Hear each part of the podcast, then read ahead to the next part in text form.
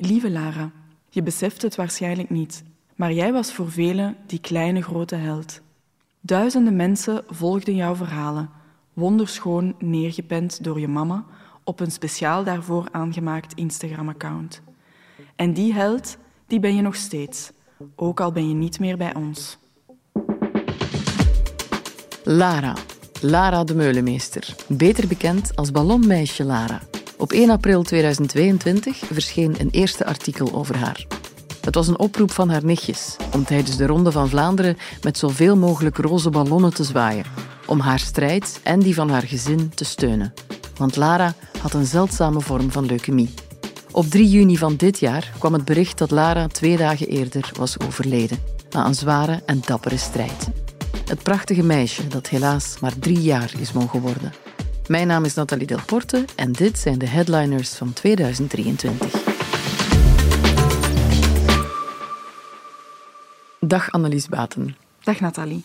Je hebt Lara gekozen als je headliner van het jaar. Ah, dat was een keuze die voor jou snel gemaakt was, blijkbaar. Hè? Ja, absoluut. Um, ik heb uh, Lara de afgelopen jaren van heel nabij gevolgd. Uh -huh. um, en ook heel vaak contact gehad met haar mama Nele en haar papa Pieter. En um, ja, ze heeft altijd wel een bijzonder plekje gehad in mijn hart. En dat is nog altijd het geval. Ja, ja dan ben jij ook de geknipte persoon om uh, het verhaal van Lara zo'n beetje uit de doeken te doen. Want je hebt daar inderdaad van bij het eerste bericht dat kwam al direct opgezocht zelfs. Ja, inderdaad. Dus wij vernamen dat de nichtjes van Lara een oproep hadden gelanceerd mm. om met roze ballonnen langs het parcours van de Ronde van Vlaanderen te gaan staan. Ja. En uh, ja, wij zijn daar eigenlijk onmiddellijk opgesprongen. En dan heb ik de mama van Lara gecontacteerd. En diezelfde dag mocht ik nog bij haar langsgaan. In het ziekenhuis weliswaar. Want um, toen zat Lara in isolatie. Mm -hmm. uh, dus ik heb haar toen wel ontmoet, maar enkel achter glas. Uh, omdat zij absoluut niets mocht uh, van buitenaf oppikken of ja. van bacteriën of ze was heel zwak. En uh, dus het was absoluut uit een boze om, om iets op te rapen dat niet goed zou zijn voor haar lijfje. Maar dan heb ik effectief wel een uh, lang gesprek kunnen hebben met haar moeder in het bezoekerskamertje um, in het ziekenhuis. Je hebt toen met die moeder gepraat, daar is een stuk van gekomen en dat was ja, voor jou het eerste van een reeks, hè? Ja, inderdaad. Um, want het is dan ook gebleken dat uh, die zondag dat de koers werd gereden, ja, er massaal gehoor werd gegeven aan die oproep. Er stonden effectief heel veel mensen met roze ballonnen. Mm -hmm. En sindsdien, ja, um, ben ik uh, de mama van Lara beginnen volgen. Zij had een speciaal account aangemaakt op Instagram, Prinses Lara. Mm -hmm. En ik denk, niet alleen ik, maar ook honderden volgers die mijn voorbeeld zijn gevolgd. En um, daar postte de mama van uh, Lara eigenlijk geregeld updates over ja. hoe het ging met haar dochter. En um, dan kwam eigenlijk, ja, want de Ronde van Vlaanderen was in april. En dan kwam er eigenlijk ja, naar het einde jaar toe vrij positief nieuws. Mm -hmm. Want toen bleek um, dat na toch uh, een reeks chemo's en beenmergpunties en zware behandelingen, dat er toch goed nieuws was. Dat was eind 2022? Ja dat ze toch zagen van de leukemie is precies weg. En dus werd Lara officieel in remissie verklaard. Ja. Wat eigenlijk wil zeggen, ja, nog niet helemaal genezen, maar wel op weg ja, om te genezen. Goed nieuws. Ja, maar um, ik ben toen ook um, haar thuis gaan opzoeken, mm -hmm. omdat wij vonden dat dat ook, ja, dat was echt een mooi verhaal van hoop om te brengen. Ja. We hadden haar dan gevolgd uh, al die tijd. En dus we vonden ook dat dat op zijn plaats was om dat ook uh, te brengen. Hè, dat ze, heb je haar dat ze beter ging. Uh, ja. Heb je haar zelf ontmoet? Hoe, hoe, hoe was ze? Ja, dus uh, dan ben ik haar thuis gaan opzoeken in Nokeren. Hè, dus dat was niet meer in het ziekenhuis, maar bij haar thuis. Ik weet toen nog dat ik ook heel blij was dat ik daar die avond naartoe kon. En ja, ze was toen... ze verbleef voornamelijk nog bij haar oma en opa. omdat ze ook nog niet naar school mocht, omdat ze mm -hmm. nog wel vrij zwak was en ze moest ook nog opletten. Met... Er is een broertje en een zusje die zouden bacterietjes kunnen binnenbrengen. En... Ja, dus ze mocht ja. ook nog niet naar school, maar ze verbleef ja. dan dikwijls bij oma en opa. En uh, ja, het beeld toen ze binnenkwam gestormd, um, toen oma en opa haar thuis kwamen afzetten, ja, dat was heel aandoenlijk. Um, dus je zag eigenlijk terug, de, tijdens de chemo ver, verloor ze haar haartjes, mm. maar er kwamen zo terug donshaartjes piepen. Mm. Dus je zag dat die behandeling achter de rug was. En super vrolijk kind, hè. ook een beetje een eigen willetje zo. Dus ik vond dat heel tof uh, om op dat moment uh, haar te kunnen ontmoeten. En dan heb ik ook een heel lang gesprek gehad met haar mama over hoe dat voor hen was geweest. Um, die afgelopen maanden. Zeer intens, hè, want heel vaak ook opgesloten, letterlijk, in het ziekenhuis. Maar zij waren toen wel heel blij natuurlijk, omdat um, ja, de feestdagen kwamen eraan. En zij hoopten echt op warme momenten thuis in hun kokonnetje, samen met Lara um, en het voltallige gezin. Maar dat was helaas van korte duur, Ja, ja, ja. Want ja, ik heb dat artikel dan geschreven en dan eigenlijk, denk ik, amper drie, vier weken nadien las ik op, op uh, het account van prinses Lara dus ja, dat er eigenlijk opnieuw leukemiecellen ontdekt waren. Mm -hmm. um, ja, voor die ouders uh, was dat ja, verschrikkelijk om zoiets te vernemen. Maar ik denk ook voor alle volgers um, van Lara. Want je zag ook elke keer als er berichten werden gepost of zo, dan dat, dat bracht echt een enorme dat bracht elke keer weer iets teweeg. Zo heel veel mensen die haar daarom niet persoonlijk kenden, stuurden steunberichtjes, hartjes, knuffels. Dus dat was eigenlijk ook altijd wel zoiets heel, een warm deken, zo, dat over dat gezin werd gelegd. Maar... Het was een verhaal dat iedereen ook wel raakte, denk ik, en nog altijd zelfs. Ja, ja, ja, ja. Maar dus waar ze toen hadden op hadden gehoopt dat ze de feestdagen thuis konden doorbrengen, dat is dan uiteindelijk niet gelukt. Maar ja, wat ik ook altijd heel opmerkelijk heb gevonden, is de, ja, de waardigheid, de strijdvaardigheid van het gezin. Mhm. Dus ze zijn er ook altijd blijven voor gaan. De mama van Lara zei mij ook vaak, ja, we konden ook niet anders natuurlijk, mhm. maar we wilden ook zeker niet het gevoel hebben dat we ons achteraf zouden afvragen, wat als? Ja. Want uiteindelijk, ja, jammer genoeg, toen in december is het niet meer echt goed gegaan met Lara. Mhm. Dus ze zijn dan terug met nieuwe behandelingen begonnen. Maar eigenlijk die leukemiecellen, ze kregen die maar niet klein. Mhm. En dan stonden ze voor het verdikt van ja, ofwel Lara palliatief nog laten begeleiden, ofwel nog eenmalig ja, voor een enorme zware chemokuur mhm. gaan. En het is daarop dat Nele zei, ja, tuurlijk gaan we dat doen, want we willen nooit het gevoel hebben van wat als. Blijven door. Of wat als we dat toch niet hadden gedaan. Mm. Dus ze hebben altijd die kansen gegrepen. En dat was eigenlijk ook omdat Lara heel strijdvaardig was. Die bleef altijd lachen, was super positief. Besefte um, die ehm, eigenlijk iets van wat er haar allemaal overkwam? Goh, ja, de mama zei altijd niet echt. Voor haar was dat een beetje haar wereld geworden, dat ziekenhuiskamertje. Ze werd natuurlijk ook overladen door massa's cadeautjes. Hm. Om, ja, maar dat was ook heel tof, want ja, elke keer kon ze mij iets nieuws aan de slag. Maar voor haar was dat, ja, dat was een beetje haar wereld geworden en haar kokon. Dus zij stelde zich daar op zich niet zo heel veel vragen bij. Ja. Het waren vooral ja, de ouders natuurlijk. En zeker ook broer en zus. Als Lara dan opnieuw terug het ziekenhuis in moest, dat zij vooral verdriet hadden. Van mm. oei, zus is alweer weg voor een aantal dagen, weken. En dan ja, finaal, ehm, ik denk dat dat op 3 juni was, mhm. heb ik dan een berichtje gekregen dat ze Lara hebben moeten laten gaan. Want enkele dagen voordien kwam dan ehm, het berichtje op, op, uh, op het account van ja, kijk, Lara is geveld door een longontsteking. En door het feit dat die leukemie al haar immuniteit afpakte, kon ze eigenlijk die, die longontsteking niet meer overwinnen.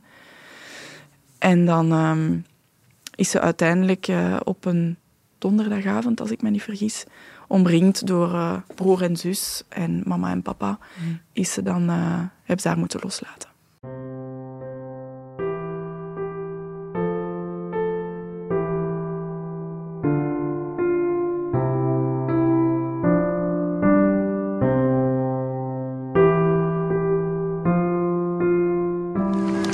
De oproep tot de roze ballonnen is uh, goed opgevolgd. Hier ziet ze langs alle kanten van de weg.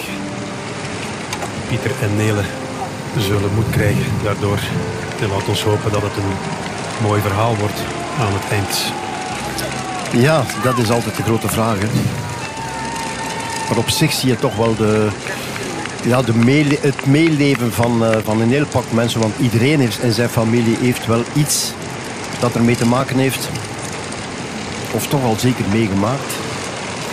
We weten er alles over. En jij ook.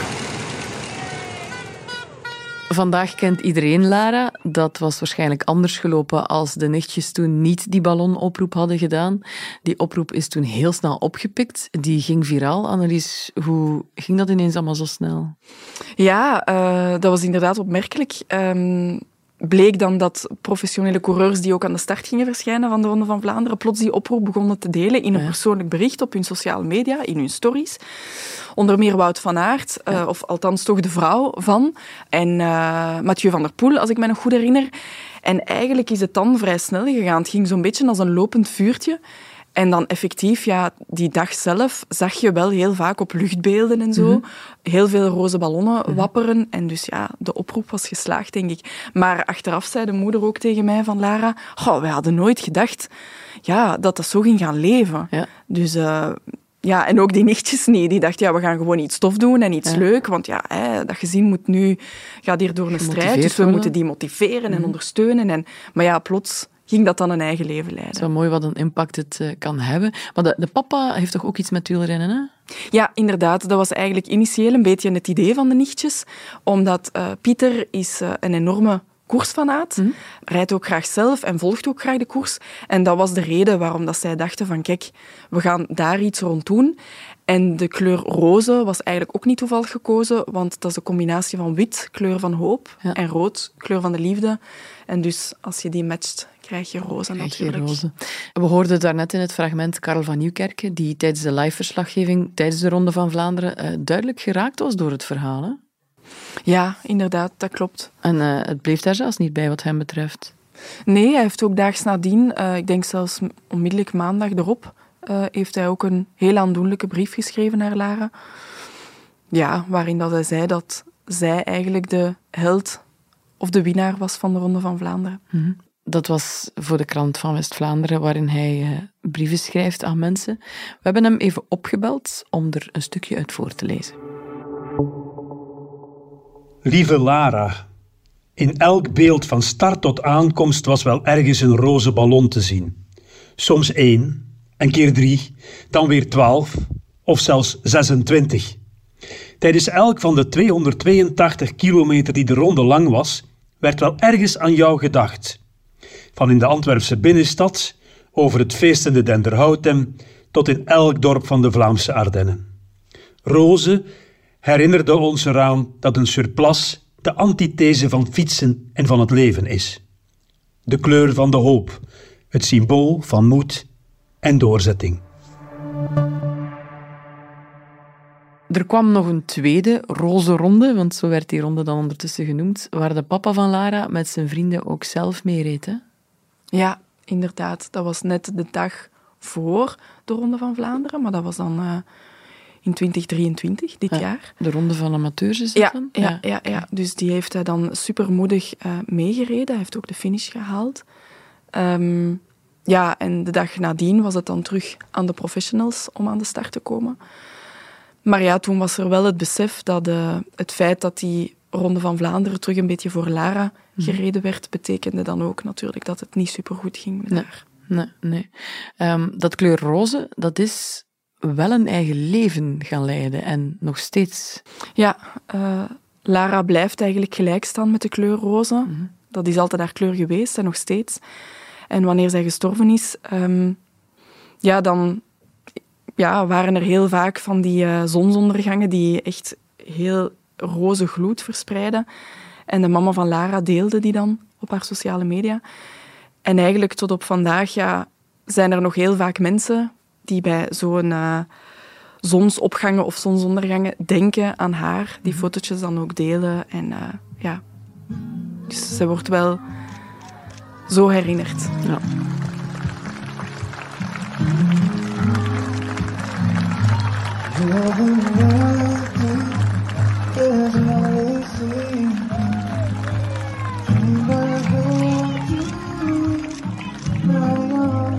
Annelies, ik denk dat heel veel mensen zich het beeld herinneren van de begrafenis van Lara. Uiteraard een veel te klein kistje, gedragen door vier jongens. Erachteraan broertje, zusje, hand in hand. Haar ouders uiteraard, uh, heel de familie. Jij was daar zelf ook bij. Ja, inderdaad. Ik heb de plechtigheid bijgewoond. Die was heel, heel, heel mooi. Mm ja, het was ergens op een open plek buiten. Um, ehm, Super veel mensen aanwezig ook. Na afloop hebben ze ook um, ja, in het thema heel veel roze ballonnen opgelaten mhm. richting hemel. De kindjes hebben toen ook van die belletjes geblazen, ook allemaal symbool als ja, om Lara boven in de hemel een kusje te geven. Ja. Um, ja, een heel intens en aangrijpend moment. Ja.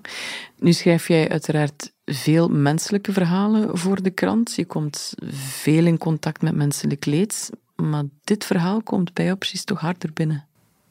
Ja, ja, ja dat is zo. Um, enfin, ik denk sowieso door het feit dat je al ziet wat dat, uh, hoeveel volgers het Instagram-account had, denk ik mhm. dat het gewoon niemand onberoerd kan laten. Mhm. Ik had onlangs ook nog een kennis van mij die zei: Amai, uh, van in het begin volg ik Lara en ze heeft me nooit losgelaten. Dus ik denk dat het, dat het algemeen wel heel veel leeft, mhm. omdat het ook gewoon zo oneerlijk is. Het gaat over een heel jong kind en die horen niet te sterven. Die horen niet, niet... Dat hoort niet, dat is tegen de natuur. En um, ja, ik denk dat het die combinatie was van... Ja, ook die momenten van hoop, van ja, ze gaat er toch doorkomen. En ja, wat mij betreft dan persoonlijk, ja, ik heb een dochter die bijna even oud is als Lara. Mhm. En uh, ze schelen ongeveer een dikke maand. En Confronterende herkenning dan, dan toch? Ja,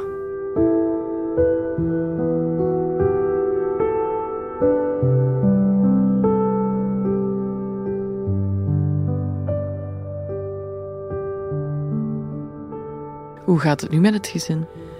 Ja, ik heb. Um, dus zij is dan overleden in juni en dan zijn zij voor het eerst op vakantie gegaan. Met z'n vieren dan, in plaats van met vijf.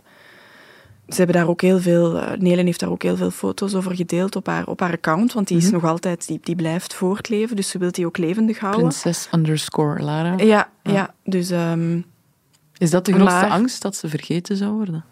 Ja, ja, toch wel. Um, daarom dat ze ook wel blij is dat er over Lara, dat, dat, dat we blijven over haar vertellen. Mhm. Dat ze op die manier levendig wordt gehouden. Maar dus zij vertelde mij toen dat die eerste zomer zonder haar, ja, dat er nu eigenlijk elke keer een eerste keer komt mhm. zonder Lara. Um, dus er is die zomervakantie geweest.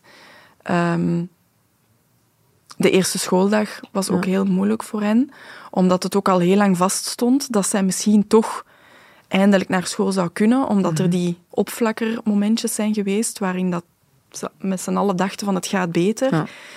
En ze gaat toch uh, kunnen instappen, wat dat dan uiteindelijk niet zo...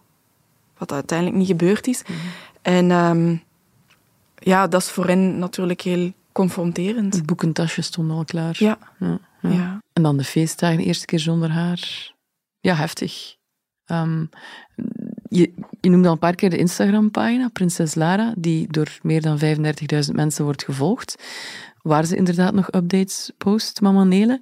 Ehm, er worden ook nog acties opgezet. Ik zag onlangs iets van speelgoed dat ze inzamelden of zo. Ja, ja, ja dat heeft zij eigenlijk zelf gedaan.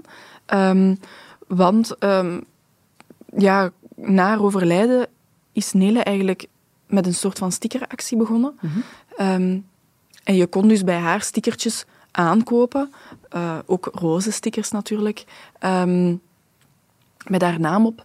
En um, ja, die je dan eigenlijk zou kunnen achterlaten als je op vakantie gaat of op een plek die je mooi vindt. Overal in de wereld. Ja, ja, ja. ja om er eigenlijk voor te zorgen dat Lara zo ja, overal een beetje aanwezig is en blijft. Mhm. Daar is superveel respons op gekomen, dus heel veel mensen hebben aanvraag gedaan. En dat heeft natuurlijk vooral in zomervakantie heel veel geleefd, omdat mensen dan voortdurend uh, op mooie plekken komen en dan daar stickertjes achterlieten. Mm um, en dat heeft ook wel een aanzienlijk bedrag opgeleverd en daarmee hebben ze veel speelgoed gekocht.